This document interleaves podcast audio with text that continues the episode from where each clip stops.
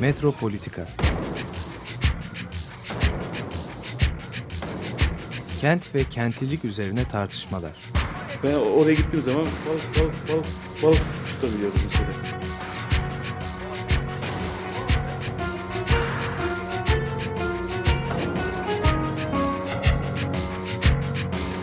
Hazırlayıp sunanlar Aysin Türkmen, Korhan Gümüş ve Murat Güvenç. Takusuyor ki. kolay kolay boşaltamadılar. Yani elektrikçiler terk etmedi Perşembe Pazarı merkezinde. Merhabalar değerli Açık Radyo dinleyicileri. Bugün Murat Güvenç'le birlikte ben Korhan Gümüş Metropolitika'yı birlikte sunacağız. Merhaba. Ee, Murat şimdi gelirken e, biraz evvel e, yolda muazzam bir beyaz birikinti gördüm. Her taraf böyle deterjan içinde köpük köpük ama. Ne oluyor burada dedim. Bir baktım kocaman bir şey dönüyor binanın etrafında. Ee, AKP seçim bürosu. Ee, belediye aracı gelmiş Arazöz. Seçim bürosunun kaldırımlarını temizliyor. Ama Evet. herhalde biraz gösteriş olsun diye. Hani Deterjanlarla. deterjanlar öyle az buz değil. Şeyle böyle çuval çuval deterjan dökülüyor. Neredeyse bembeyaz olmuş bütün ortalık. Evet. Ee, temiz Bence olsun. Biraz ihtiyaç var. Shakespeare- ihtiyaç var galiba. Shakespeare'in bir şeyini hatırlatıyor. Hani bütün Arabistan'ın tüm parfümleri diye. Ya, Doldur parfümleri. parfüm. evet. Dün arkadaşlardan biri işte dün bir sergi açılışı vardı. Bu 64 tehciri ile ilgili İstanbul'daki 40 bin Rum'un Evet. İstanbul'dan kovulması. 20 dolar 20 kilo. 22 dolar 20 kilo yani aslında 12 bin kişi görünüşte e, kovuldu ama e, tabii toplamda 40 bin kişiye kadar e, yok oldular ve bir anda İstanbul Rumları aslında son belini kıran darbe bu olmuştu. Evet. O serginin açılışına gelen arkadaşlar herkes bir şöyle bir şaşkınlık geçiriyorlardı. Ağızlarından bir takım şaşkınlık sözleri çıkıyordu falan. Böyle şey görünce o seçim bürosunu ben onu fark ettim. Herkes de gülüyordu. Temizliğe. ha, farkında değiller mi acaba? Yani burada komik bir durum var. yani komik mi, trajik mi onu tam şey yapamıyorum ama yani deterjanlar da bir taraftan zarar veriyor çünkü doğaya o kadar çok deterjan temizlik için kullanılırsa. Evet. Evet bugün böyle bir takım konular var. Gündemimizde bu temizlik meselelerini ilgilendiren konular var. Bunlardan bir tanesi bu afet risk yasasının bazı maddelerinin yürürlüğünün durdurulması. Evet.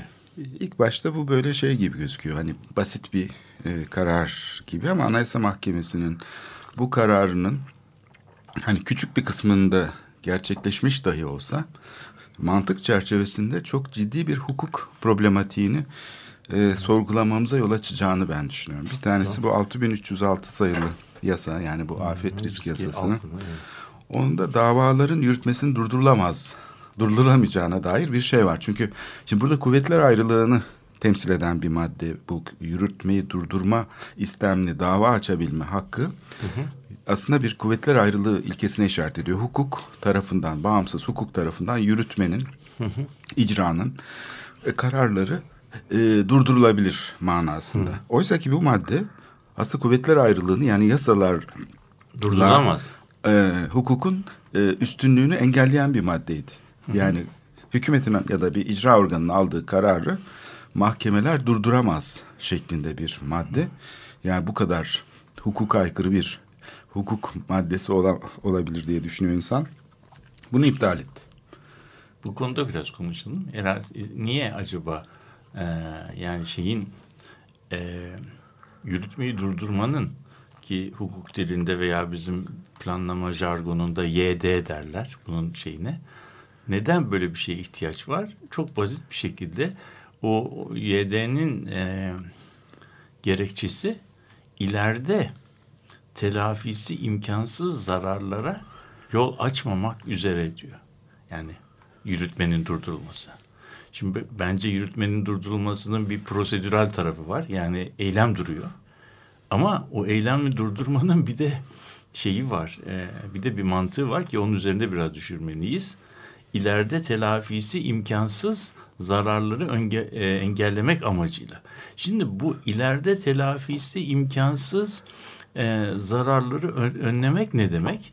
O da çok ilginç bir şekilde e, ve çok zengin bir toplum e, toplumsal e, ontolojiye işaret ediyor ki toplumda, çevre hayatında, şehir hayatında bazı süreçler durdurulmazsa Evet. yaşanan süreçlerde zaman geriye göndür, döndürülemez. Siyasetçiler hata Yani yapabilir. Yapabilir ve onun sonuçları çok ağır olabilir ve o sonuçlar e, sonuçlar tıpkı demin söylediğimiz gibi Arabistan'ın tüm parfümleri dünyanın tüm bilmem e, deterjanlarıyla veya çok büyük paralar şey yapılsa bile harcansa bile o e, şeyi nasıl diyelim o yitirileni e, geri getirmek onun biricikliğini tekrar kurmak orada oradaki e, nasıl diyelim toplumsal e, ele elle tutulamaz toplumsal değeri geri kazanmak e, pek imkan dahilinde olmaz. Üstelik de temizlerken daha çok deterjan kullanıyorlar. Evet. Bir de temizlik yüzünden kirleniyor. Tabii. Yani Şimdi, bir kirlendiği evet. için kirleniyor. bir Şimdi istersen, istersen bu Evet. bunun bu yani e, bu toz duman arasında ben sana küçük bir anekdot anlatayım. Benim çok e, beğendiğim, izlediğim bir İsveçli düşünür var. İsmi Thorsten Hagerstrand. O, o kendi çocukluğundan bunu biraz metaforik olarak şey yapalım. Kendi çocukluğundan bir öykü anlatıyor. Bu toplumsal hayatın kurulan hani kent hayatının o anların e, biricikliği üzerine. Diyor ki benim diyor babam bir zamanlar bana bir küçük kumbara almıştı diyor.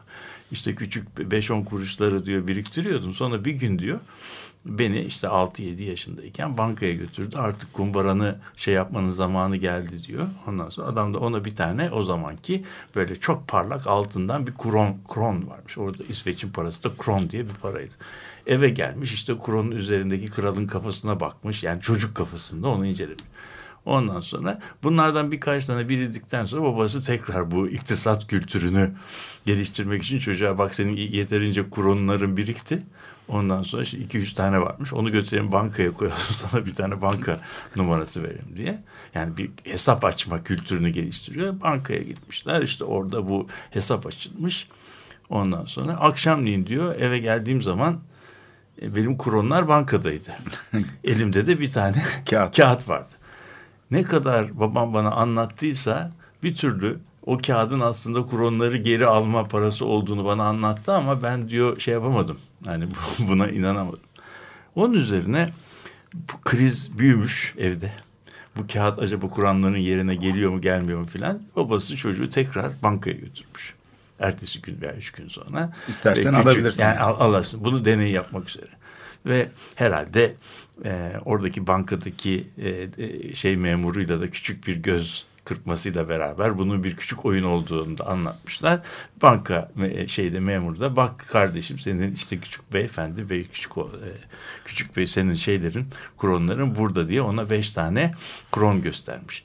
Hepsini diyor şeyinde dikkatle inceledim. O kron mu? Değildi diyor. Değildi. Benimki diyor. Yani şimdi söylemek istediğim, buradan söylemek istediğim yani benim ona verdiğim kuron onun bana gösterdiği değildi diyor. Şimdi bu yürütmeyi durdurmalar, telafisi, imkansızlık meselesi işte tam da bu noktaya geliyor. Yani yürütme, telafisi bazı uygulamalar tıpkı bu çocuğun hayatında yaşadığı gibi kent hayatında telafisi imkansız zararlara sebep olabilir. Yani siz bir yerdeki küçük küçücük bir e, küçücük bir e, mimari artifakti veya üzerine anlam yüklenmiş bir bitkiyi veya bir çiti veya bir şeyi ortadan kaldırıp sonra bunu ben bunu onun yerine daha iyisini yapıyorum, daha fazlasını yapıyorum dediğimiz zaman işte kent hayatının çok boyutluluğu nedeniyle onu aynen yerine koyamıyoruz. Yani telafisi imkansızlık bunu benim örneğimde verdiğimiz küçük krondan, Hareketle. küçük para, pa- paradan e, mahallemizde yapılan bir kamp, e, parkın geri gelmemek üzere yitirilmesi veya bir tarihi eserin yitirilmesi veya bir kent üzerindeki bir koca ekolojik Hatta sosyal bir konu da olabilir. Ve büyük ekolojik değerlerin yeniden yitirilmesi e, ne büyütebiliriz. Yani bu telafisi imkansızlık sanıyorum bu şey içerisinde bu yürütmeyi durdurulmanın imkansızlığının durdurulması o bakımdan e, bence önemli bir e, önemli bir kazanım. Yani biz, biz bunu birazcık da böyle e, düşünmeliyiz. Çünkü kent hayatında birazcık parayla, teknikle veya e, şeyle kompanse edemeyeceğimiz yani e, nasıl diyelim tazminatla geri getiremeyeceğimiz bazı şeyler var. Evet burada Evet, demek ki Anayasa Mahkemesi'nin evet. geçen hafta vermiş olduğu yürütmeyi durdurma kararını Rının durdurulamazlığı.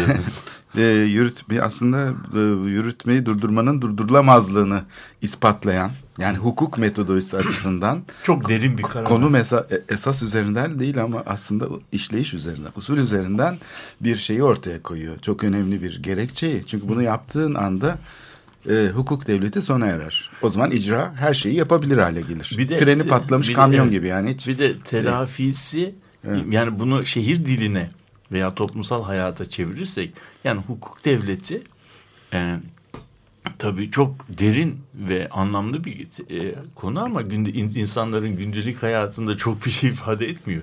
Bunu nasıl e, somutlaştığına bakmak lazım. E, te- bu ben yürütmeyi durdurulamazlığı e, ilkesini de ortadan kaldırıyorum dediğin zaman ben telafisi imkansız zarar kavramını tanımıyorum demektir. yani Evet, o zaman sınırsız o, yani. sınırsız. Evet. O zaman yani ben çocuğa o e, altın kuron yerine kuron olmak koşuluyla başka şeyler de verebilirim. O da onu kabul etmek zorunda. Şimdi böyle yaptığımız zaman işte o zaman toplumsal hayattaki bütün değer sistemleriyle bütün e, hesaba kitaba kantara vurulamaz şeyleri e, şeyleri yeni baştan e, düşünmemiz gerektiği noktasına şey yapıyor ki ben tabii bu bu kararın e, yerindeliğini alkışlıyorum. Evet adalet mülkün temelidir e, sözcüğünü ben hep mülk diye anlamıştım ama mülkün sahibi aslında insan olduğu için Evet. Bu da aslında insanların bir basit teba olarak her şeye uymak zorunda oldukları yönetimin her zaman sınırsız yetkilerinin olduğu bir işleyişi aslında tamamen e, sorgulamamıza yol, yol açacak bir şey bu. Yani mesele. İkinci bir konu daha var. Yürütmesi durdurulan Anayasa Mahkemesi tarafından geçen hafta. E, bu e, biliyorsun gene bu 6306'da çok güzel bir şey var, madde var. E, bir fıkra var. Burada diyor ki e, şu yasalar e, çeliştiği takdirde bu yasalar geçersizdir diyor. Bunlar Evet. ki neler? Kıyı kanunu mesela. Evet. E, kültür ve tabiat varlıkları kanunu 2863 düşünsene. Yani bir afet yasası diye tabii ismi afet olunca biraz herhalde şey gibi oluyor. Kılıç gibi böyle. Kesici bir yasa bu yani. Şey Evet. diğer yasalardan daha farklı böyle ne denir buna? Sıkı yönetim yasası gibi bir şey, yasa. evet. O- Dolayısıyla bütün yasalar kültür ve tabiat varlıkları kanunu da dahil. Yani koruma kurullarına falan işlevlendiren. Hatta yeni çıkarılmış olan 5366 sayılı yasa yani bu yasadan önce çıkarılmış olan gene aynı işleve dönük. Hani bu yıpranmış tarihi ve kültürel şeyleri varlıkları Tarlabaşı yasası. yenileme yasası var ya tarlabaşı yasası. Hatta Boğaziçi Kanunu gibi hani hiç e, çok hani böyle şey yıllardır e, duran bir e, yasa. Bunların hepsi eğer çeliştikleri takdirde 6306 sayılı yasayla geçersizleşiyorlardı. Yani bu yasa üstün yasa oluyordu. Hukuk şeyinde böyle şeyler nasıldır bilmiyorum. Anayasadır. işte hani bu- üstün olan yasalar arasında da böyle geçiş üstünlüğü olan hani ambulans gibi giden yasalarla normal otomobil gibi, giden yasalar mı vardı Türkiye'de? Ben bunu hiç anlayamadım. Bu Geçmişte var mıydı böyle bir bu- şey? Ben de ben de meslekten hukukçu değilim ama şunu biliyoruz ki yasalar aslında e, bir e, kurallar hiyerarşisinde her yasa öteki yasayla aynı Statüde düzeyde duruyor. gerekir. Yasaların üzerinde olan yani yasaları e, yasalar üzerinde yön gösterici, yönlendirici olan ve yasaların aykırı olamayacağı tek bir yasa var. O da anayasa. Evet. İnsan Yani bir- hakları vesaire falan gibi şeyleri gibi. güvenceye Yani alan. işte- şimdi orada deniyor ki yani işte ben bunları şey yaptım. Bunlar da yasayla düzenlenir diyor anayasalarda. Ama şu denmiyor. Siz bir yasa çıkarırsınız. O yasa işinize gelmeyen yasaların, işine gelmeyen maddelerin ortadan kaldırır e, denildiği zaman. Bu tabii e, bu e, bizim şu anda bu Fransızca'da omnibüs yani bizde torba yasa dediğimiz e, 88 tane yasanın 38 tane maddesini alt maddesini birden değiştiren e, bir e, yasa yapma tekniğinin artık şahikasını oluşturuyor. Yani bu bir yasa bir yasa bir sürü yasayı şey kılıyor. E, o zaman öbür yasalar o bizim anayasanın yani bu şey olan geçiş üstünlüğüne sahip olan yasanın izin verdiği alanlarda e, geçerli oluyor. Diğer alanlarda geçerli olmuyor. Tabii şimdi e, biraz biraz düşünürsek, biraz mekansal olarak düşünürsek bizim bu afet riski alan e, afet riski altındaki alanların dönüşümüyle ilgili yasanın e, Türkiye'nin neresinde hangi oranda ne biçimde uygulanacağı önceden belli değil. Kararla belli oluyor. Ama biliyoruz ki Türkiye'nin tırnak içinde söylüyorum büyük bir kısım deprem bölgesinde olduğu için bu yasa istenildiği an Türkiye'nin herhangi bir yerinde e, uygulamaya konabilir. Zaten öyle bir Evet, özelliği tabii, var. E, afet Ama- riski olmadan da uygulanabilir Tabii, yasa. Tabii. Tabii. Geçiş üstünlüğü demek bu geçiş aslında. Üstü, geçiş üstünlüğü demek. Yani bu bir ekspres yasa gibi bir şey. Omnibüs değil de, banliyö değil de. E şimdi o zaman o zaman bu belli yasaların e, belli maddelerini ortaya kal- kaldırmak değil.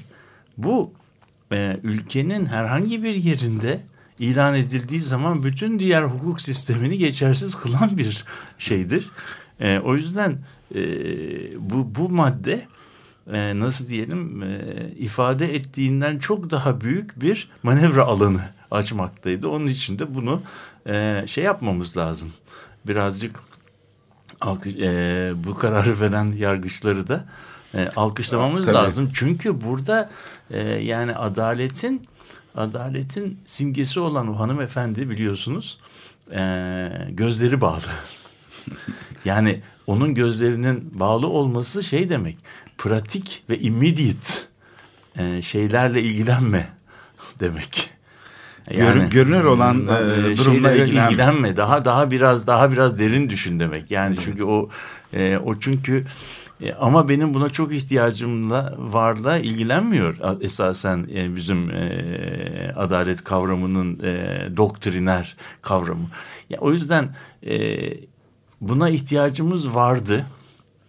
Nın e, gerekçelendirilmesi başka bir gerekçe duyduğumuz başka bir de bu gerekçenin e, yani adil olarak adaletin doktrine ne e, yedirilmesi başka. Şimdi biz e, işi yapalım e, doktrin arkadan gelsin denildiği zaman böyle maddelere başvurmak gerekiyor.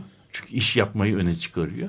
İş yapma e, hızı öne çıkarıldığı zaman da o zaman bu belki de hukuk üzerinde anlaştığımız hukuk doktrininin temel ilkelerine aykırı çıkıyor. O yüzden aykırı geliyor.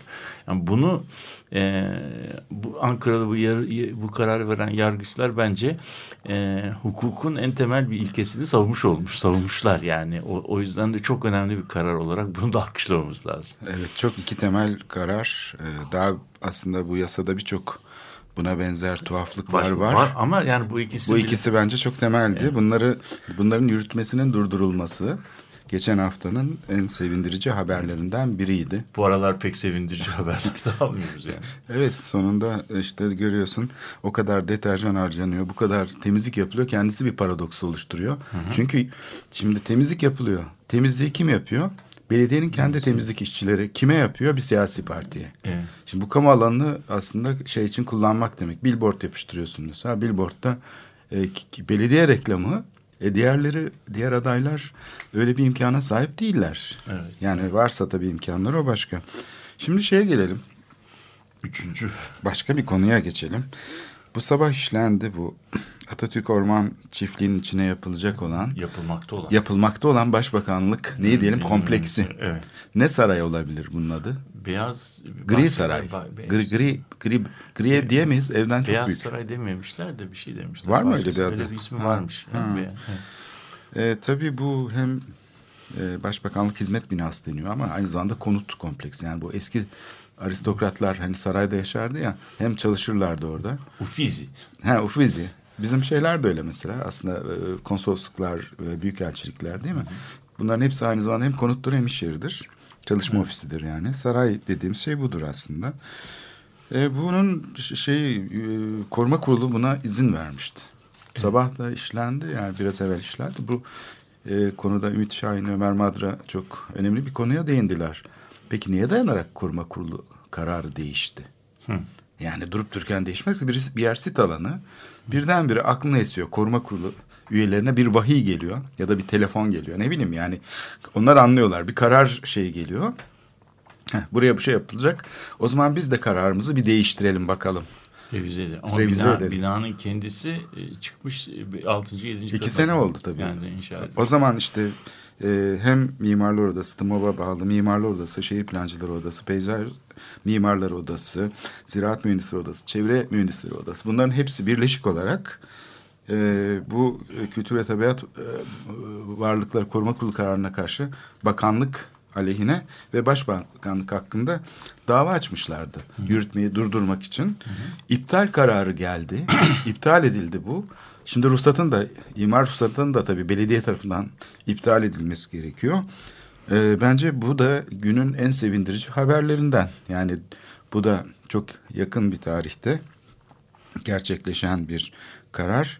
Acaba hani bu kadar çivisi çıkmış bir rejimde e, bir şeyler tekrar hani rayına girecek mi böyle bir şey yaşayarak yoksa bildiğimiz klasik popülist e, şeyle otoriter rejimle hukuk sistemi arasındaki bildiğimiz gerilim e, devam edecek?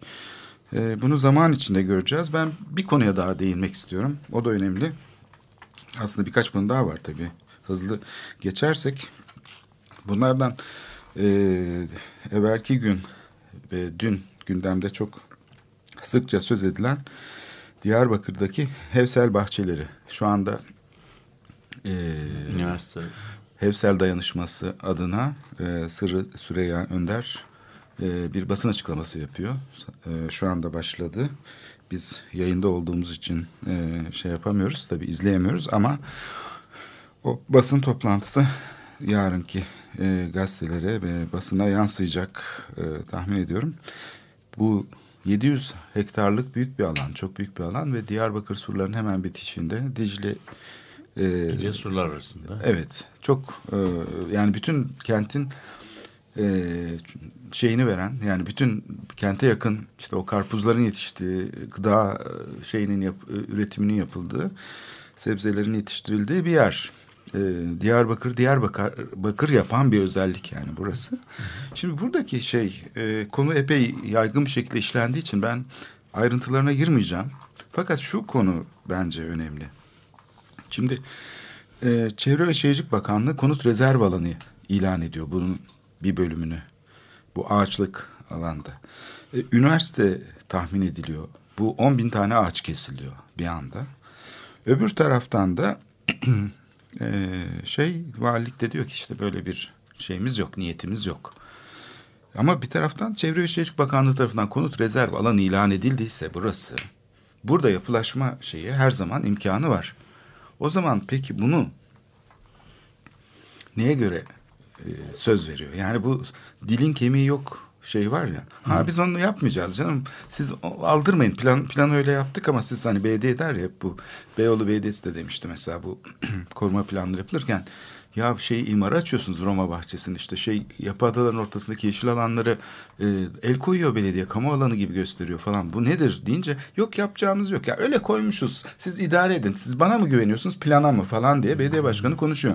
Hem planı kendisi hazırlıyor hem de bana inanın plana inanmayın der gibi bir şey. Şimdi diğer taraftan da hani Dünya Miras Komitesi'nin önemli bir şeyi vardır. Dünya Miras Listesi'ne eğer başvuruyorsa bir alan, bir bölge ki Diyarbakır e, sur alanıyla birlikte e, bir aday olarak Dünya Miras Listesi'ne girmek için hazırlık yapıyor şu anda. Onun da bir özelliği var. Alan yönetim planı hazırlanması.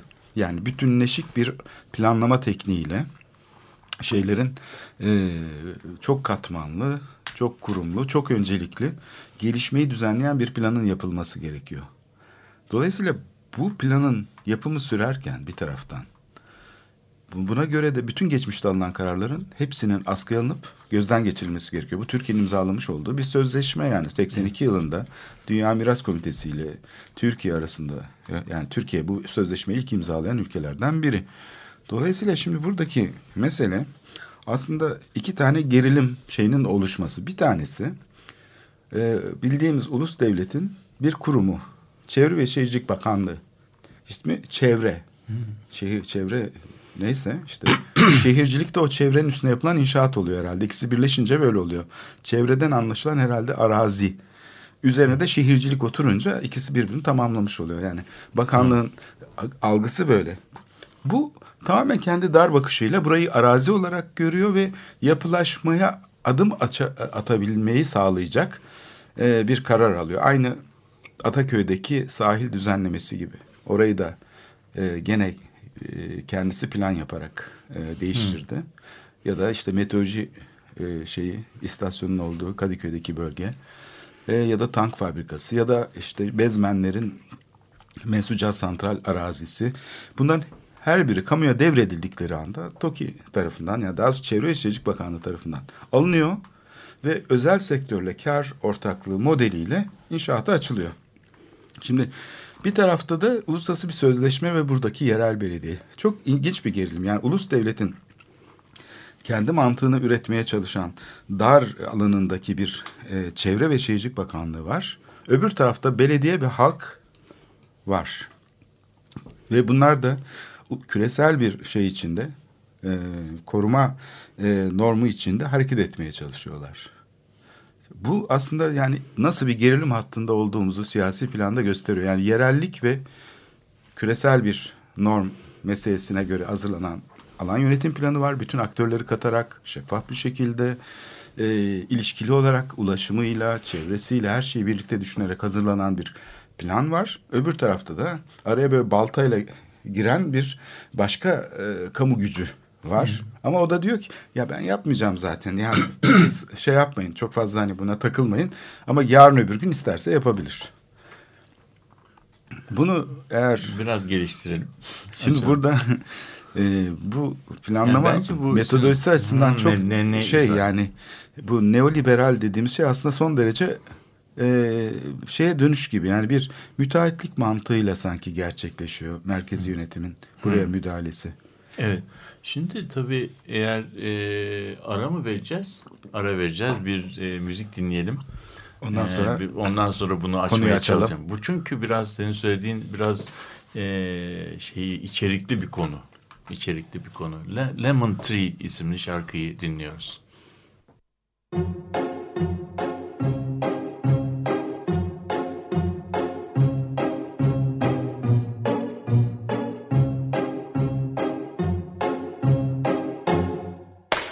sitting here in the boring room. It's just another rainy Sunday afternoon. I'm wasting my time, I got nothing to do. I'm hanging around, I'm waiting for you, but nothing ever happens. And I wonder. I'm driving around in my car. I'm driving too fast, I'm driving too far. I'd like to change my point of view. I feel so lonely, I'm waiting for you, but nothing ever happens. And I wonder. I wonder how, I wonder why. Yesterday you told me about the blue, blue sky, and all that I can see just a yellow lemon tree. I'm turning my head up and down. I'm turning, turning, turning, turning, turning around. And all that I can see is just another lemon tree.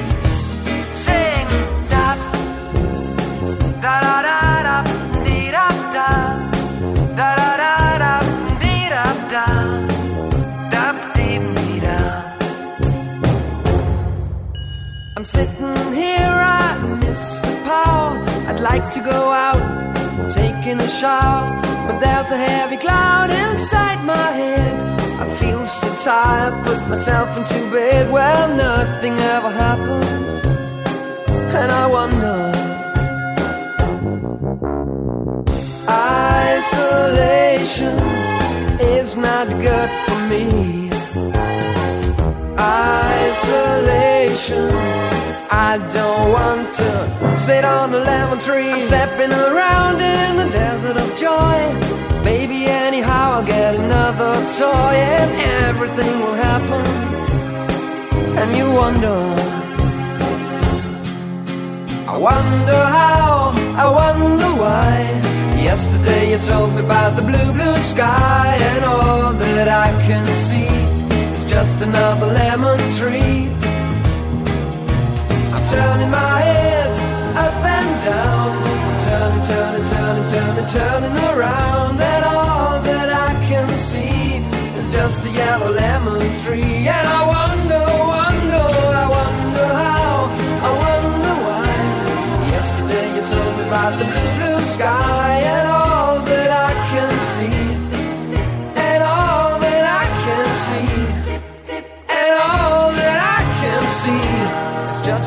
lemon tree.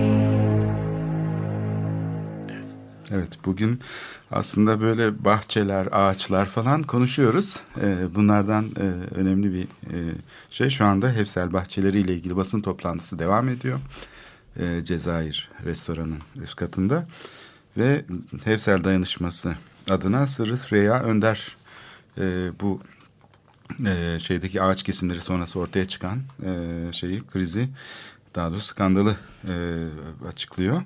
E, burada çok enteresan bir şey işte valinin ya siz şeye bakmayın o karara yani burası konut rezerv alanı ilan edilmiş Çevre Şehircilik Bakanlığı zaten biz yapma deyince yapmaz yani falan gibi hani Evet. yapılmayacak hiç merak etmeyin diyor bu bana şeyi de hatırlattı yani başka şeyleri de hatırlatıyor neyse ki ama bu son günlerde böyle bir şey var yani siz plana bakmayın canım ya da karara bakmayın Ee, biz bu şeyi size işte bir kıyak geçeriz yani falan gibi, Gibi bir şey. böyle insanları e, şey yapıyorlar bu Taksim'de de oldu. Evet. Hatırlarsan Evet. Taksim şeyinde de ya o plan uygulanmayacak canım. Yani o tünellere bakmayın siz. Ee, Biz sadece bir tanesini yapıyoruz şimdilik falan dedi ama iptal edilmedi karar.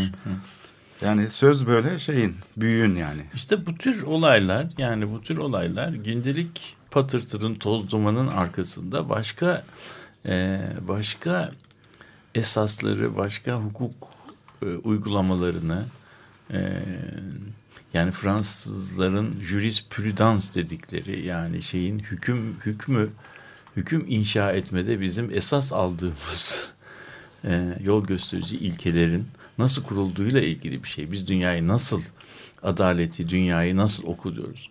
Bu, bu, bu bakımdan önemli. Şimdi eğer e, biraz e, geriye doğru gidersek, biraz geriye doğru gidersek, işte geç orta çağda, geç orta Roma İmparatorluğu yıkıldıktan sonra geç orta çağda e, bir hukuk, uzun süren bir hukuk e, devrimi yaşanıyor. Bu devrim yaşanırken de e, Roma İmparatorluğu'ndan geç Orta Çağ'a kadar e, geçerli olan tanıklık ve belge, delil şeyi değişiyor. O tarihe kadar e, sözlü tanıklık, sözel tanıklık, yazılı belgeyi, kağıdı e, şey yapıyor. Kağıdın İkame ediyor. üzerinde, Evet. üzerinde daha daha değerli. Tabii bunun e, bunun geçerliliği de var. Çünkü hiçbir hiçbir kağıt olayı bir e, insan kadar güzel tasvir edemez. Kağıda aktardığımız reprezentasyonlar daima daha kuru ve daha cansız olur. İkincisi de o tarihte tabii kayıt tutma, şey yapma, belgeleme, resmetme teknikleri bugün kadar gelişmiş değil. O yüzden Basılamıyor. o- basılamıyor, çoğaltılamıyor. Konuyla ilgili kağıt tutulmamış olabilir. O yüzden böyle bir şey olmuş. Yani ortalıkta bir e, söz sözlü tanıklığın, sözel tanıklığın e, kağıtlı e, kağıda e, kurala Üstünlüğü. üstünlüğünü teslim eden bir şey. Fakat geç orta çağla beraber yani bizim modernitenin kurulmasıya başlamasıyla beraber toplum kendi hakkında kendi hakkında belge, bilgi toplamaya başlıyor. Bizim istatistik dediğimiz ilim Almanca'da Statistik kelimesinden geliyor. Yani devlet devletle istatistik aynı kökten geliyor. Yani devletin kayıt tutma cihazı demek istatistik. Devlet için gerekli belgelerin, bilgilerin toplanması. Bu tabii modernitenin, ulus devletin kurulduğu Vesfalya Anlaşması'nda zirveye çıkıyor. Çünkü de- bütün devletlerin birbirlerine karşı yükümlülükleri ki bunlar krallar, işte evlenmeler, çeyizler, düğün hediyeleri, düğün hediyeleri o zamanlar biliyorsunuz zaten büyük bölgeler veya ülkeler gidiyor birisi birisiyle evlendiği zaman. Bunların kim kim evlendiği zaman hangi bölge, e, kim kim kime çeyiz getirdi bunun meselesi meselesinin en ince detayına kadar kaydedilmesi lazım. O yüzden e, özellikle Westfalya'dan sonra hukukta artık kayıt edilmiş, üzerinde e, uzlaşılmış ve kamusallaştırılmış belge sözlü tanıklığın e, önüne geçiyor. Yani burada büyük bir e, değişim var. O da sözlü tanıklığın esas yazılı belgenin e, tamamlayıcı olduğu bir hukuk e, anlayışından belgenin, kaydın, tapunun hani ne bileyim e, fotoğrafın, haritanın esas şeyin e, sözlü tanıklığın beyanın ise ikincil olduğu bir e, anlayışa geçiliyor. Şimdi bu e, ve bütün bizim adına modernite dediğimiz e, dünya bu, bu ilke üzerinden kuruluyor. Yani bugünkü hukuk rejimimizde bu esas.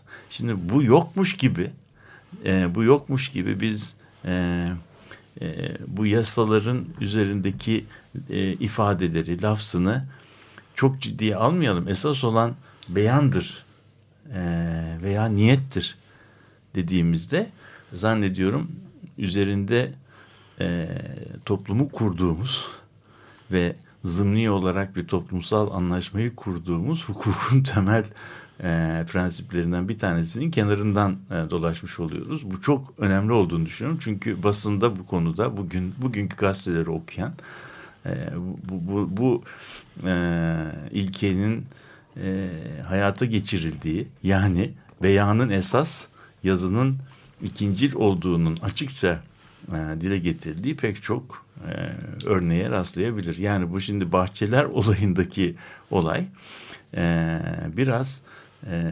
idarenin yetkisini öne çıkarma buna karşılık e, yasal yükümlülüğünü ikincil hale getirme e, haline getiriyor. Ben bunun kendisinin tek başına e, üzerinde düşünülmesi, tartışılması gereken bir çok ciddi bir problem olduğunu düşünüyorum. Şimdi tabii bunun kişiler arası özel hukuk alanında da bir karşılığı var. Belge ve beyanın hı hı. ama hep her zaman bir hakemlik mekanizmasına ihtiyaç duyar bu. Hı hı. Ama e, muktedir olan kişiyle yani iktidarla vatandaş arasında böyle bir ilişki varsa o zaman bu ciddi bir e, problem demektir. Yani sen hı. şimdi sesini çıkarma. Bana bırak şimdi bu şey ayaklarını. sen benim yapacağım kentsel dönüşüm projesine bir kere e, uymak zorundasın yani şimdi bu mesela çok sıklıkla dile getirilen bir şey. Hı hı. Sen şimdi yani benden işte şey isteyemezsin yani. E, benim haklarım ne olacak?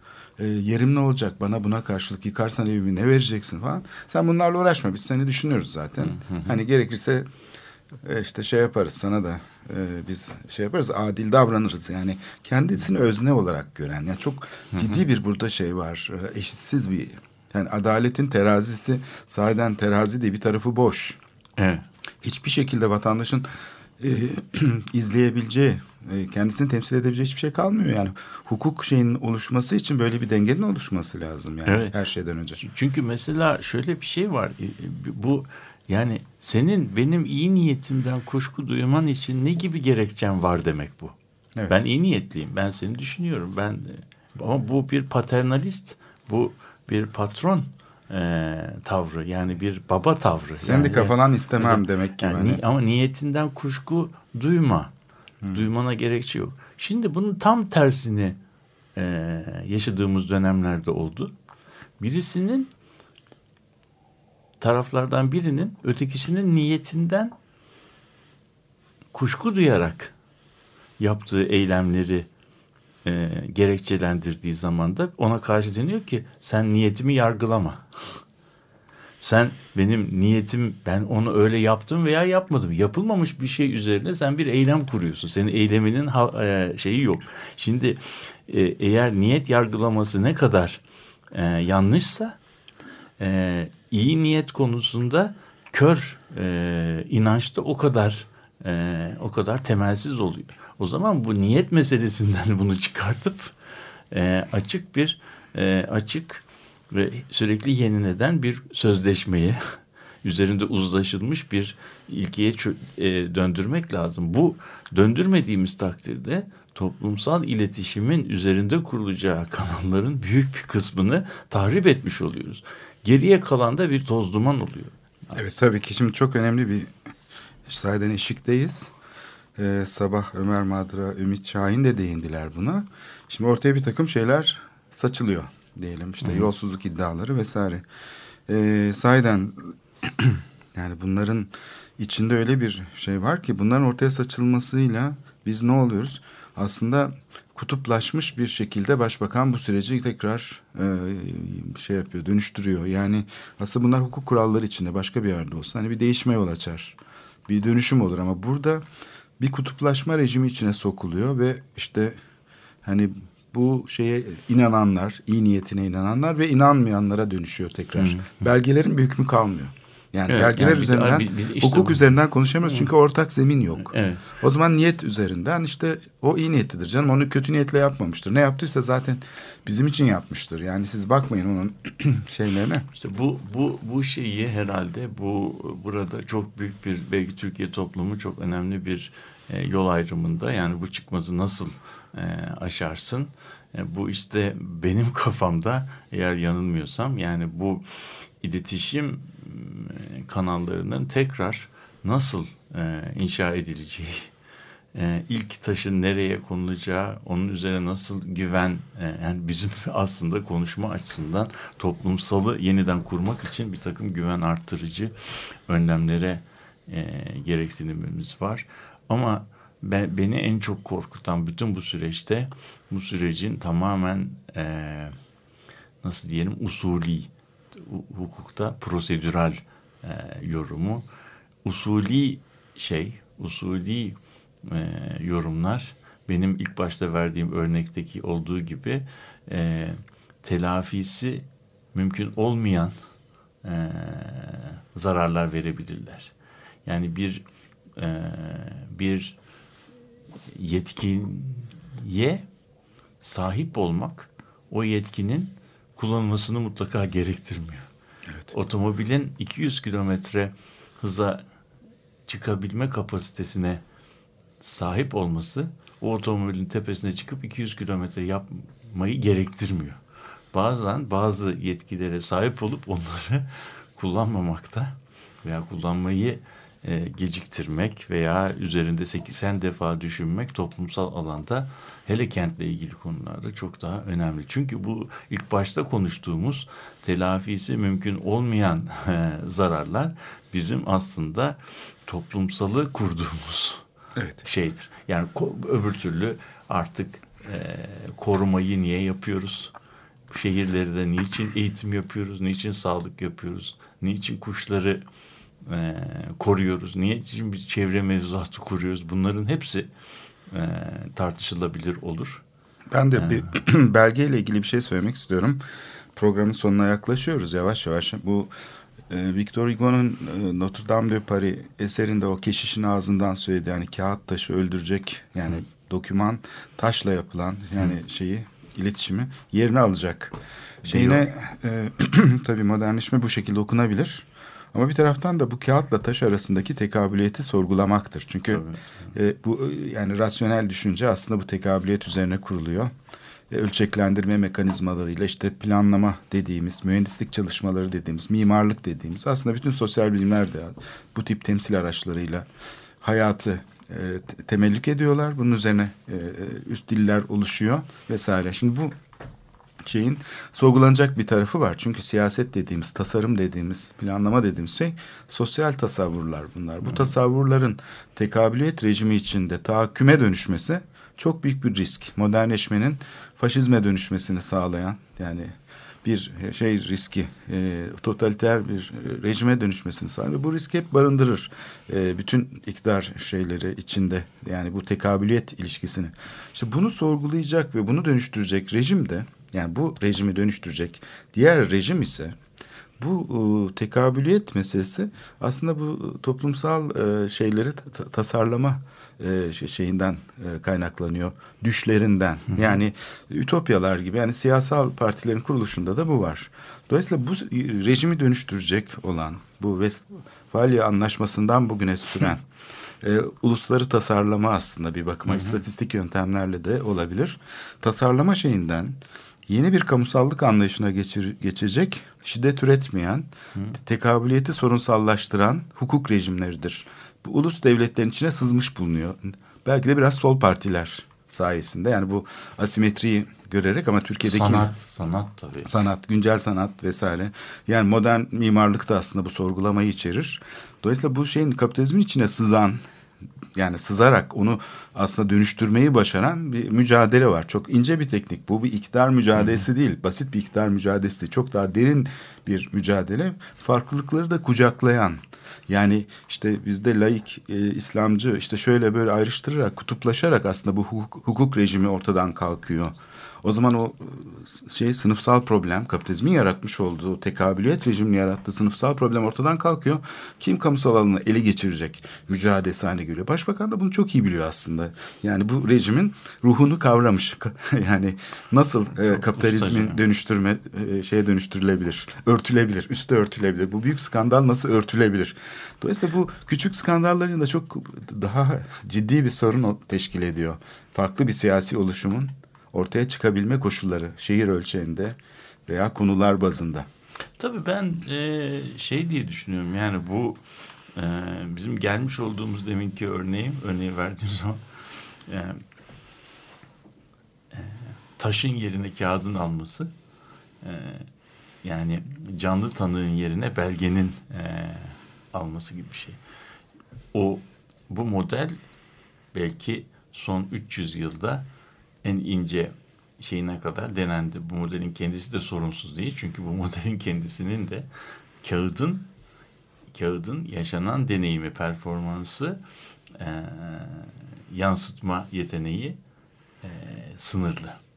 Yani ancak e, hayat, yaşantı çok büyük e,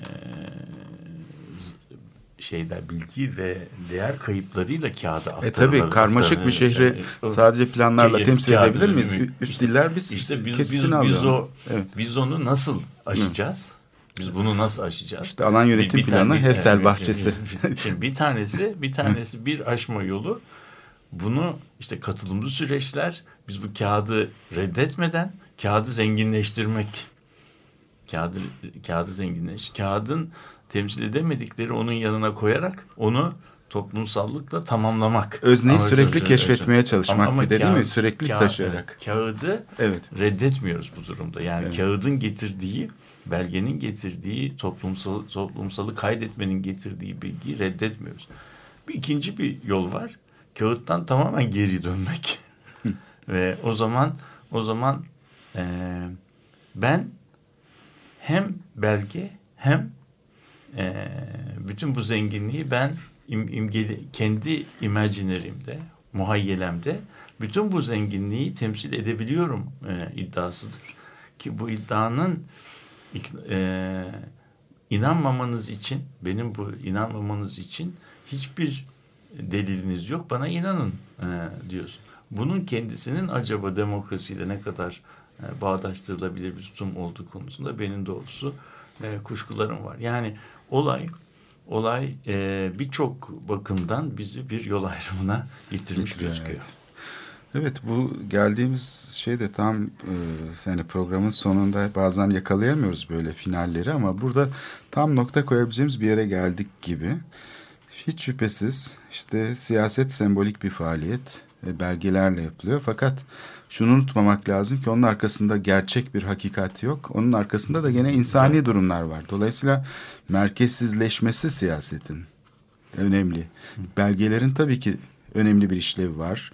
Uzmanlık söylemlerinin ve temsillerinin çok önemli hayatı düzenleyici işlevleri var ama bu mutlak değil. Onu zenginleştirmemiz başka Bu şeylerle ilişkinin tamam. demokratikleşmesi gerekiyor. İşte demokratikleşme de boş bir kelime değil. İşte o demokratikleşme kağıtları, o kuru, e, suskun kağıtları zenginleştiren, onların içine e, yaşantının tadını tuzunu getiren, e, telafisi mümkün olmayan zararların e, yol açılmamasını sağlayan bir süreçtir katılım. Sadece e, var olanın üzerine sürünen bir çeşit, bir çeşit krema değildir. Evet. Kenar süsü değildir yani katılım meselesi. Evet, iktidarın dolayısıyla burada ben katılımcı olacağım, demokratik olacağım demesi yetmez. Bu- Bunu hayata geçirmesi işlemesi sistemin hayata geçmesi gerekir. Yani karşısındaki şeyin de temsil edilen kesimin de aslında bir temsil eden olarak işlev görebilmesini aktör olarak, sağlayacak. aktör olarak. Koşulların yaratılması lazım. Kamusal süreçlere sadece e, itiraz eden ya da işte e, uzaktan maruz kalan değil, maruz kalmak e, anlamında değil. E, sahiden özne olarak katılabilmesini sağlayacak bir rejim demektir. E, Bu e, aslında bugün Türkiye'nin aslında bu krizin içinden nasıl çıkabileceğini de gösteren bir herhalde ipucu içeriyor. Galiba bu noktada e, programımızı kapatalım. E, herhalde. E, peki. Şimdi evet bu geldiğimiz nokta bence gündelik hayatın gündelik hayatta e, gazetelerde, radyolarda, televizyonlarda her gün dinlediğimiz büyük e, şeylerin e, etkileyici, sansasyonel haberlerin e, ardına geçen e, başka şeyleri düşünmemiz gerektiğini e, şey yapıyor. Kentle ilgili olan e, projelerimiz, programlarımız aslında büyük ölçüde e, büyük ölçüde ne yazık ki çok prosedüral, çok usulü yönlerden, yetki yönünden şey yapılıyor, inceleniyor. Yetki yönünden incelemelerde genellikle bu içinde yaşadığımız kent e, yapısının karmaşıklığını, zenginliğini, çok boyutluluğunu, e, çok katmanlılığını, çakışmasını e, yansıtmaktan uzak.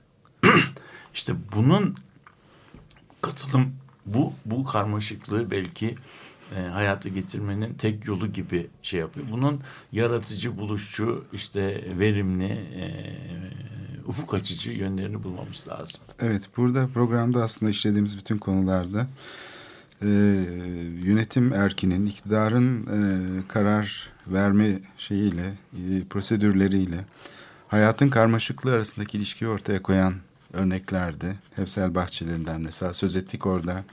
Alan yönetim planı aslında bu karmaşayı yani şehir aslında disiplinler arası bir uzmanlık alanı değil, disiplin dışı Üstü, bir şeydir. üstü. Üstüdür. Bunu ortaya koyan bir planlama metodolojisiyle yerel yönetim ve uluslararası sözleşmeler hareket ederken araya giren başka bir aktörün nasıl bir çelişki yarattığını işlemeye çalıştık. Diğer konularda da hem idare mahkemesi kararlarında hem de Anayasa Mahkemesi kararlarına atıfla gene bu hukuk rejimi üzerine konuşmaya çalıştık. Yani hukukun üstünlüğü ne manaya gelir? Programı da bir böylece bitirmiş oluyoruz. Herkese iyi haftalar dileyerek e, Bir başka e, önümüzdeki haftanın e, gündemiyle birlikte olacağımızı e, söyleyelim. iyi, iyi haftalar.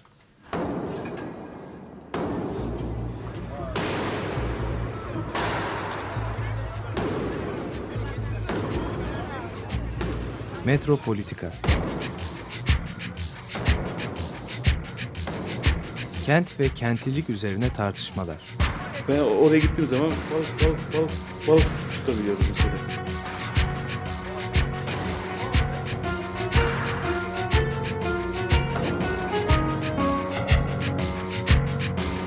Hazırlayıp sunanlar Aysin Türkmen, Korhan Gümüş ve Murat Güvenç. Takusu yok yani. Kolay kolay boşaltamadılar. Yani elektrikçiler terk etmedi Perşembe Pazarı.